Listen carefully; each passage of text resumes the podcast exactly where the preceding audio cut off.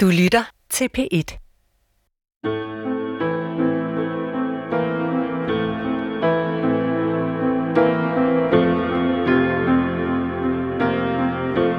For nogle år siden bemærkede jeg en mærkelig grav på Frederiksberg Ældre Kirkegård. Det er et barns grav, men den er anonym. Teksten på stenen lyder Sødeste, elskede, eneste lille kikkerpige. Du var al vor lys og glæde, som vi mistede ved det ulykkelige fejlbombardement på Jeanne d'Arc-skolen 21. marts 1945. Far og mor. Over inskriptionen er der et bronzerelief af en pige. Hun har store slangekrøller, som lander på skuldrene, og et udtryksfuldt blik. Jeg bliver både rørt og mystificeret af graven.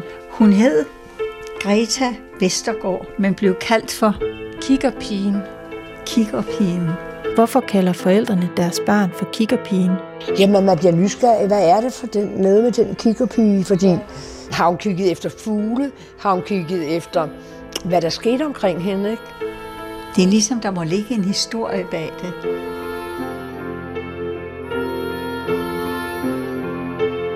Den katolske pigeskole og børnehave Jeanne d'Arc, også kaldet den franske skole, lå midt på Frederiksberg Allé.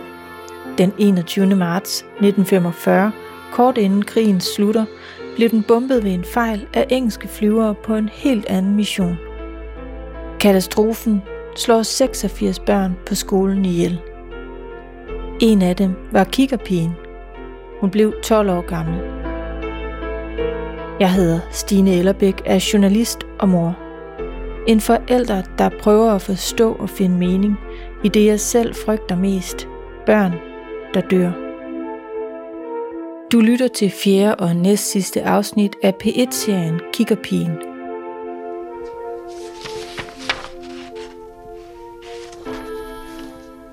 I min søgen efter kikkerpigens familie falder jeg nu over en håndskrevet note på et gammelt folkeregisterkort. Fængsel står der ud for familiens adresse, dateret kort tid efter krigen. Det viser sig, at Rigsarkivet ligger inde med en politisag på kikkerpigens far fra efteråret 1945. Jeg søger om at få udleveret sagsakterne.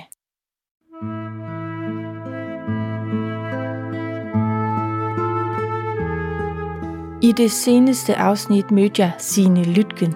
Hendes farmor var søster til kikkerpigens mor. Og hun er vokset op med fortællingen om kikkerpigens død.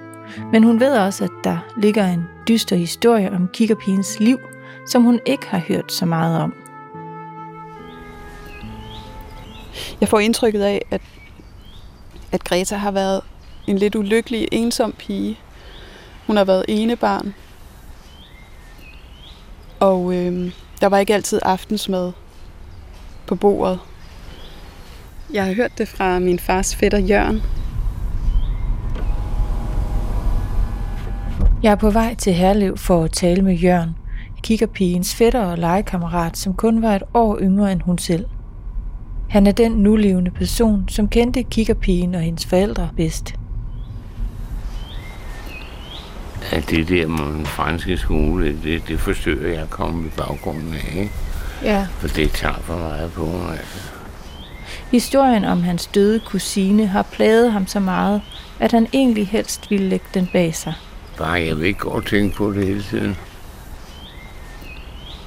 Så... Det kan jo ikke nytte noget, at man hænger så meget i fortiden. Men skal jeg fortælle lidt om historien omkring Greta? Ja, det må du rigtig gerne. Hun var meget flot med det hår der. Hun, øh, hun havde slangkrøller hele vejen rundt, ligesom på testegæskerne, ikke? Fuldstændig. Tordenskjold? Ja. Jeg havde en tit for Tordenskjold, det gjorde jeg. Det var for drillende, ikke? Hvad synes hun om det? Det er hun ikke rigtig noget. Hun var godt klar, hun var køn, ikke? Ja. Så. Hun blev kaldt kigger og tordenskjold. Kaldte du hende også for kigger? Jeg tror nu ikke. Det var vist mere de voksne. I den her fortælling er jeg en mor, der spejler sig i forældrenes smerte.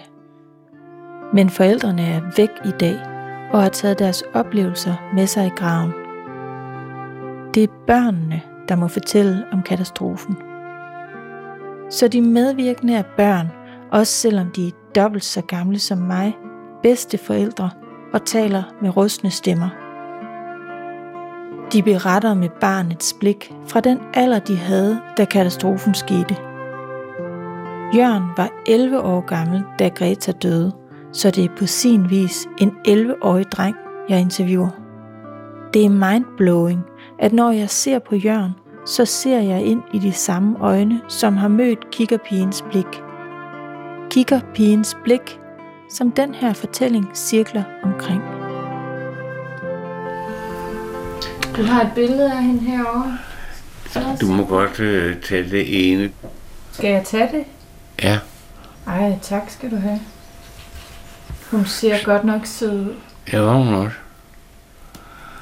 Helt afgjort. Meget charmerende. Mm. Hun var meget charmerende, det var hun altså, det er helt sikkert. Hun blev kaldt kigger. Ja, Hvorfor? fordi når folk talte til hende, så kiggede hun på dem. Hun var meget opmærksom på, hvad folk de sagde og sådan noget, ikke? Og hun var meget begavet, det var- var hun helt sikkert. Men altså, hun havde sgu ikke nogen god barndom, det havde hun altså ikke. Hun var opmærksom, lyttende, intens, begavet og køn. Det var de voksne, der kaldte hende kigger, og børnene kaldte hende tordenskjold på grund af krøllerne.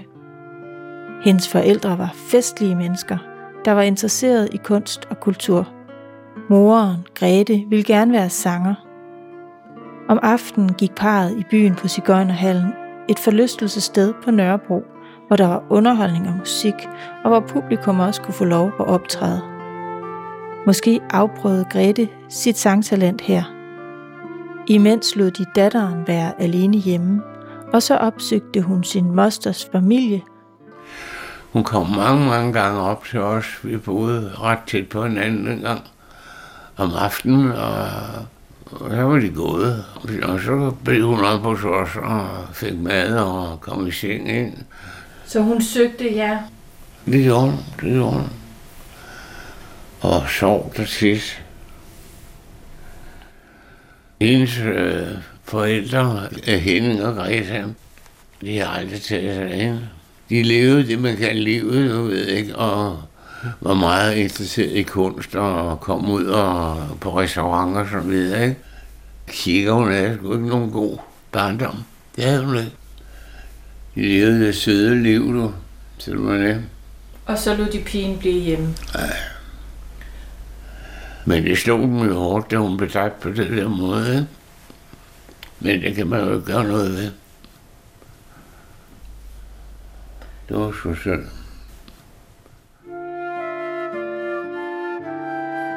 Eftersom Greta så ofte var i deres hjem, fik Jørgen et tæt forhold til sin kusine.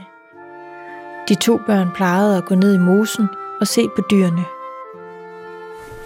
Ja, Greta og jeg, vi legede jo altid sammen. Det gjorde vi. Hun var meget interesseret i svanerne, kan jeg huske. Og om vinteren stod på skotterne med. Ja. Ja, vi var jo altid sammen. Og så var der en ting, vi godt kunne lide. Det var slik. Og det var jo ikke til at skaffe der i 45. Men så fandt Greta en udvej. Hun købte maltekstrakt. Kender du det? Det er sådan noget sødt sukker, der fik. Og det gik vi og, og, og slikkede så.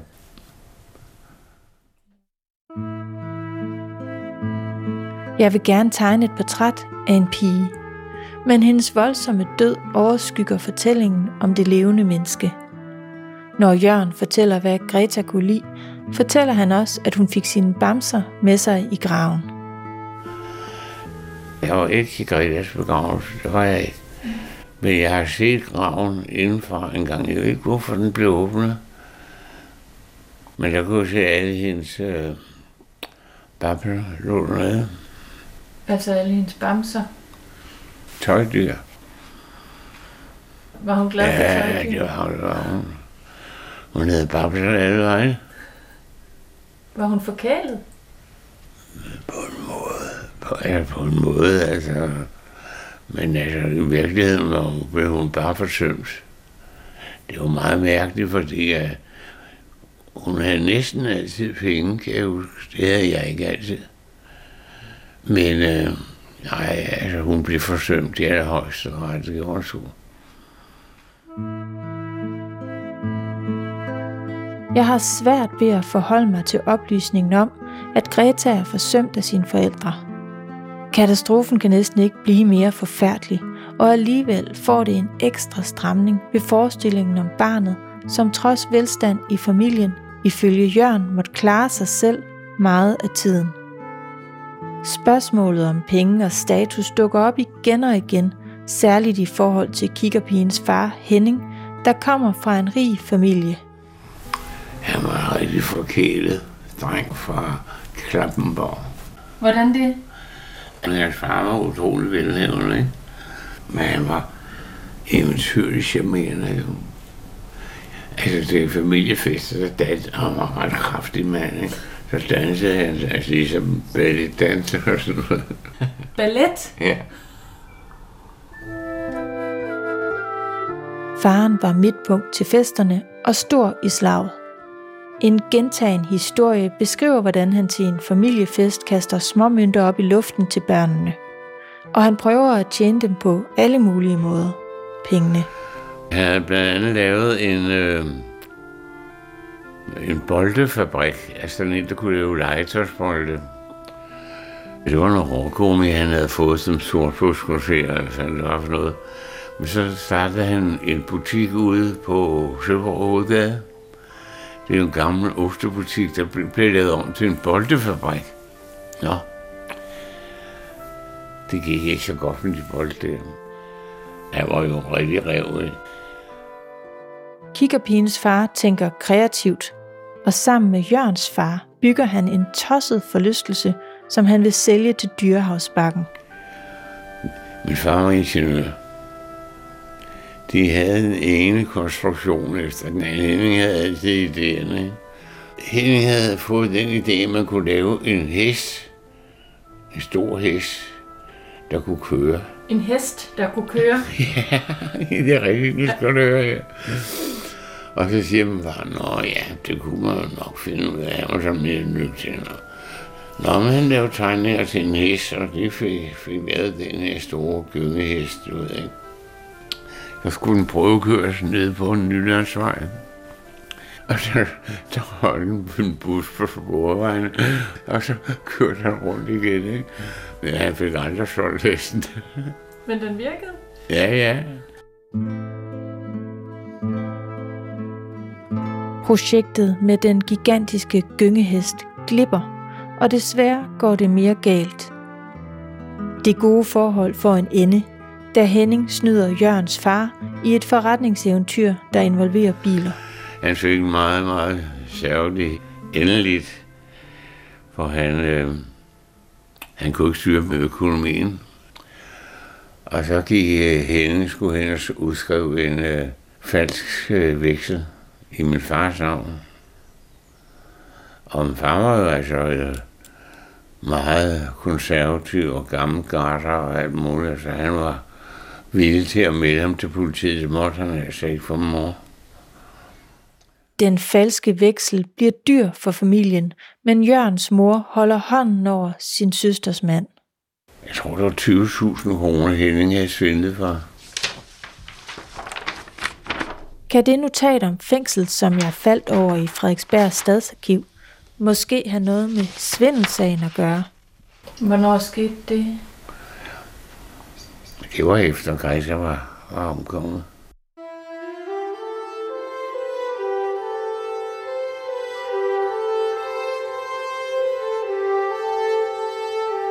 Den dag Greta døde, lød luftalarmen over København.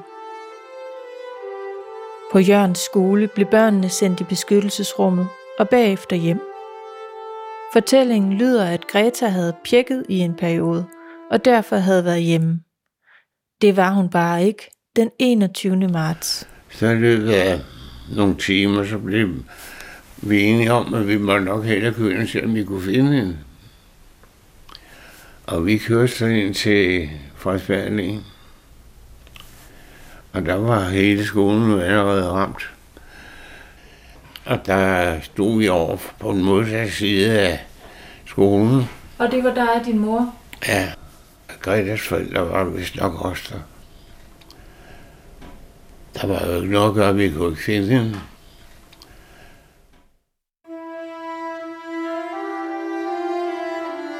Familien leder forgæves. Da luftalarmen lød, organiserede ordenssøstrene børnene i sirlige rækker for at lede dem mod kælderen. Men bomberne rammer imens børnene er på vej i beskyttelse. Tre af skolens trapper styrter sammen og river mange børn med sig i døden. Et af dem er kikkerpigen Greta Vestergaard. Den 21. marts 1945 er en blæsende dag, og vinden får ilden til at blusse op. Gaderne står i flammer. Skolen brænder. Kvarteret ligger i ruiner, og over 900 mennesker bliver hjemløse på Indre Frederiksberg. I alt koster bombetogtet 250 liv. Ud af dem er 86 børn og 18 voksne på den franske skole. Dødsårsagerne listes op som forbrændinger, blast, altså lufttryk, drukning, da vandet steg i kælderen, chok, kvælning, indre blødninger og svære kvistelser. Hvordan så det ud derinde? Da jeg kommer derind? Ja.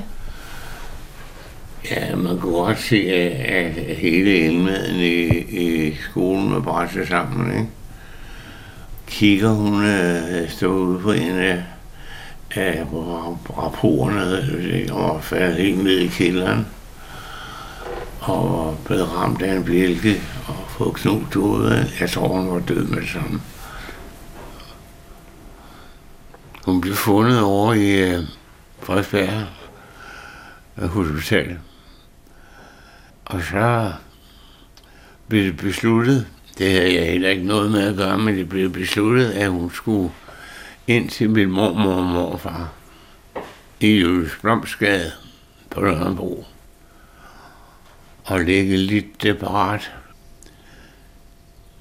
Alle børnene blev beordret ind ellers ikke farvel til hende. Der lå hun i kisten. Vi kunne også se, at hendes hoved var fuldstændig knust.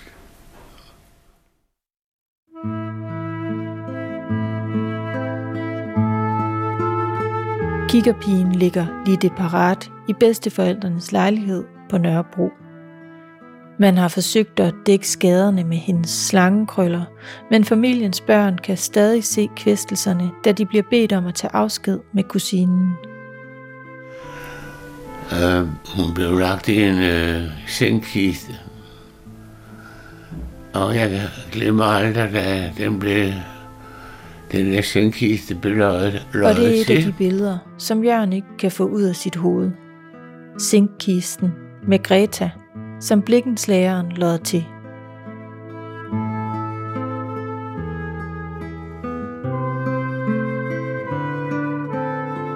Greta Vestergaards navn er ikke at finde i dødsannoncerne i dagene efter katastrofen, og der skulle gå over et år, før hun blev begravet.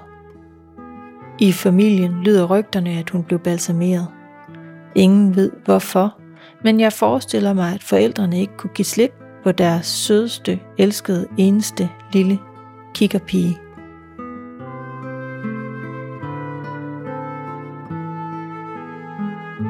Og hvordan undgår man at blive skør af sorg? Måske bliver man skør af sorg. I hvert fald, hvis man ikke får hjælp på den rigtige måde. Kikkerpigens mor, Grete, får medicin. Det er det her skete, ikke? Så fik hun en morfinindsprøjtning af en læge. Og hun blev morfinist resten af livet. Det var helt forfærdeligt. Og hendes far, Henning, han var, ja, han var fuld af ballade. Det var ret godt. Men han døde af sukkersyge ret ung. Så de blev aldrig til mennesker igen, de to. Du siger, de blev aldrig til mennesker igen. Ja. Det var måske en fejl, at den læge gav hende morfin, men der var hun jo helt nede, ikke? Øhm, og så kunne hun slet ikke undvære det bagefter. Så de blev ødelagt af, Fuldstændig, du. Fuldstændig.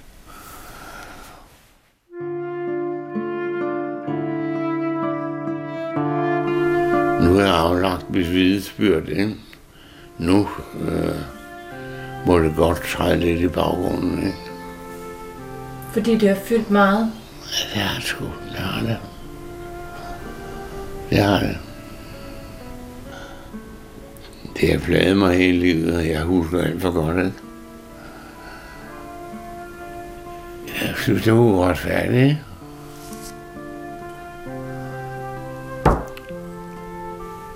Og hvor her har et sit, brugt sit blinde øje.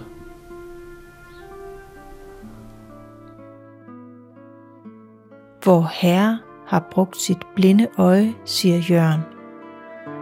Men i sidste afsnit sagde søster Marianne fra St. Josefordenen, som drev skolen, at Gud lider med menneskeheden. Der er ingen skurk i angrebet på den franske skole. Der var bare krig. Men hvis man skal tale om en skyldig i katastrofen, vil mange nok pege på nazisterne, som jo startede krigen. Under den 21. marts rettede en gruppe engelske bombeflyvere et pludseligt angreb på København. I byens centrum blev flere bygninger truffet, og folk på gaden blev beskudt af flyvemaskinernes maskingeværer. Her hører vi den nazistiske urevys udlægning af katastrofen. Den franske klosterskole i Frederiksberg Allé blev totalt ødelagt. Og her var det, at den engelske hjælpeaktion krævede flest ofre. Så får jeg svar fra Rigsarkivet på min ansøgning om at se kiggerpigens far, Henning Vestergaards politisag. Jeg får tilsendt alle sagsakterne, og det undrer mig i første omgang, at han er kategoriseret som en politisk fange. Jeg får et mindre chok, da jeg åbner filerne og ser, at han er mistænkt for at være stikker. Nej, nej, nej, nej, det passer bare ikke.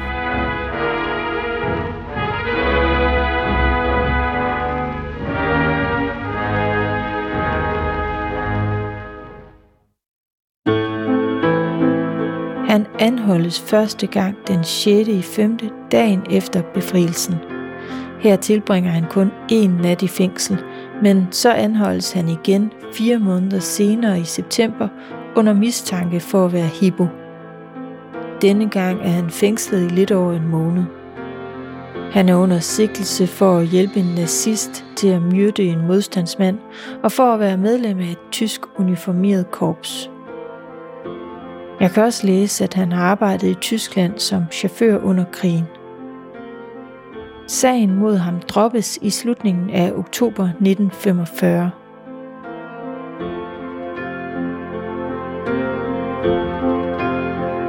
Men jeg er i tvivl. Betyder det, at han er uskyldig, eller kunne han stadig være nazist? Der er mange forvirrende oplysninger i sagen. Håndskrevne noter, utydelig maskinskrift, ting der ikke hænger logisk sammen. Jeg opsøger Rigsarkivar og historiker Peter Birkelund. Så står her, øh, Henning William Cecil Vestergaard, født den 9. 7. 1907. Øh, han har tidligere handlet med automobiler og cykeldele. Efter en arbejdsløshedsperiode øh, den 3. i 12. 1942 meldte han sig på Vesterport til arbejde i Tyskland som chauffør under Legion Speer. Han var ikke bevæbnet. Sigtet har kun lavet sig engagere til almindeligt civil lønarbejde. Tiltrædes. Så der er ikke nogen retssag, der er ikke noget, der kører. Det her stopper det hele. Tror du, at øh, kiggerpigens far var nazist? Han har, øh, nej, jeg tror ikke, han var nazist. Det er der ikke noget, der tyder på, han var. Han har haft brug for at kunne øh, understøtte sin familie, så han har brug for, har haft brug for at tjene øh, penge, og der øh, betalte tyskerne godt, så han har tjent en, en hederlig løn i, øh, i Tyskland, som han har kunnet sende hjem til familien. Det var der jo 100.000 andre, der også gjorde, der tog til Tyskland. Jeg er lettet over, at kiggerpigens far ikke er nazist. Men så tænker jeg på hendes mor, Grete.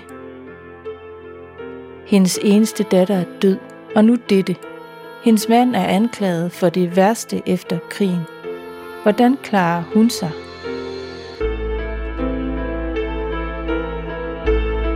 Du har lyttet til fjerde afsnit af serien om kiggerpigen.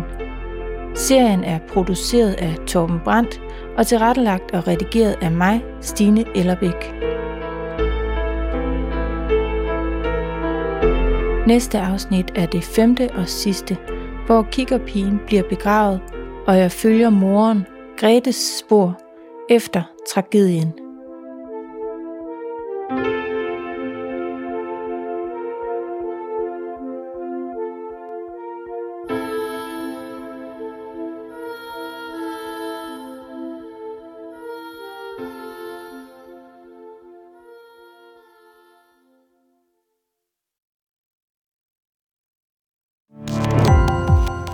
Gå på opdagelse i alle DR's podcast og radioprogrammer. I appen DR Lyd.